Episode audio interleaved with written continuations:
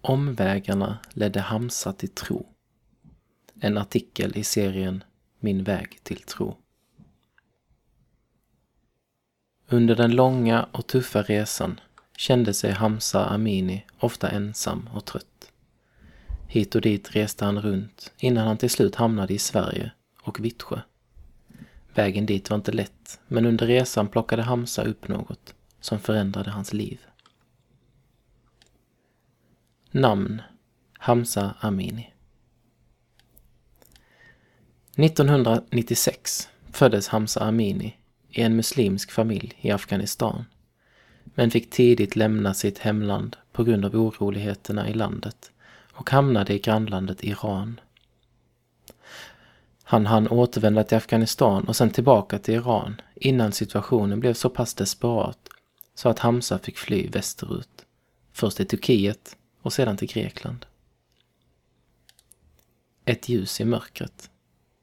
Hamza minns ett par tillfällen under den här tiden av sitt liv där han fick glimta av Jesus som ett ljus i en annars mörk tillvaro. I sina tidiga tonår såg han en film som handlade om Jesu liv. Vem han var, vad han predikade och vad han gjorde för människor. Utan att ha hunnit tänka mycket på livets existentiella frågor hade Hamza ändå tidigt fått höra om Jesus. Under tiden i Iran fick Hamza assistera en bilmekaniker. Han var en snäll person som inte behandlade mig illa trots att jag var afghan. Han berättade för mig om den kristne gudens kärlek. Och när han själv levde efter den kärleken gjorde det ett stort intryck på mig. Tiden i Grekland var särskilt svår. Hamsas mamma hade hamnat i Sverige och han var därför ensam i ett land där han inte kände någon och inte kunde språket. Men än en gång fick han en glimt av Jesus.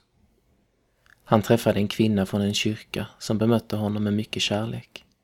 Hon hjälpte honom att hitta en landsman som Hamza kunde prata dari, en variant av persiska, med. Den mannen berättade, precis som mekanikern, för Hamza om vem Jesus var och är och vad han betyder för oss människor.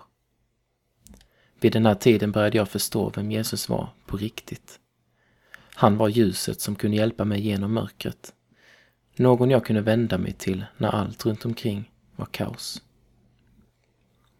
En kyrka och ett hem. Men inte heller Grekland blev slutdestinationen för Hamsa. Han rörde sig norrut och via Italien, Frankrike, Tyskland och Danmark kom han till slut till sin mamma i Sverige. Till en början var tiden i Sverige inte heller lätt. I början var det svårt att känna sig hemma i Sverige. Ingen kunde mitt språk och jag vågade inte prata med någon om Jesus. Men efter ett år fick jag kontakt med kyrkan i Farstorp utanför Vittsjö och fick döpa mig. Jesus fick växa in i mitt liv och betyda mer. Först var han ett starkt men okänt ljus.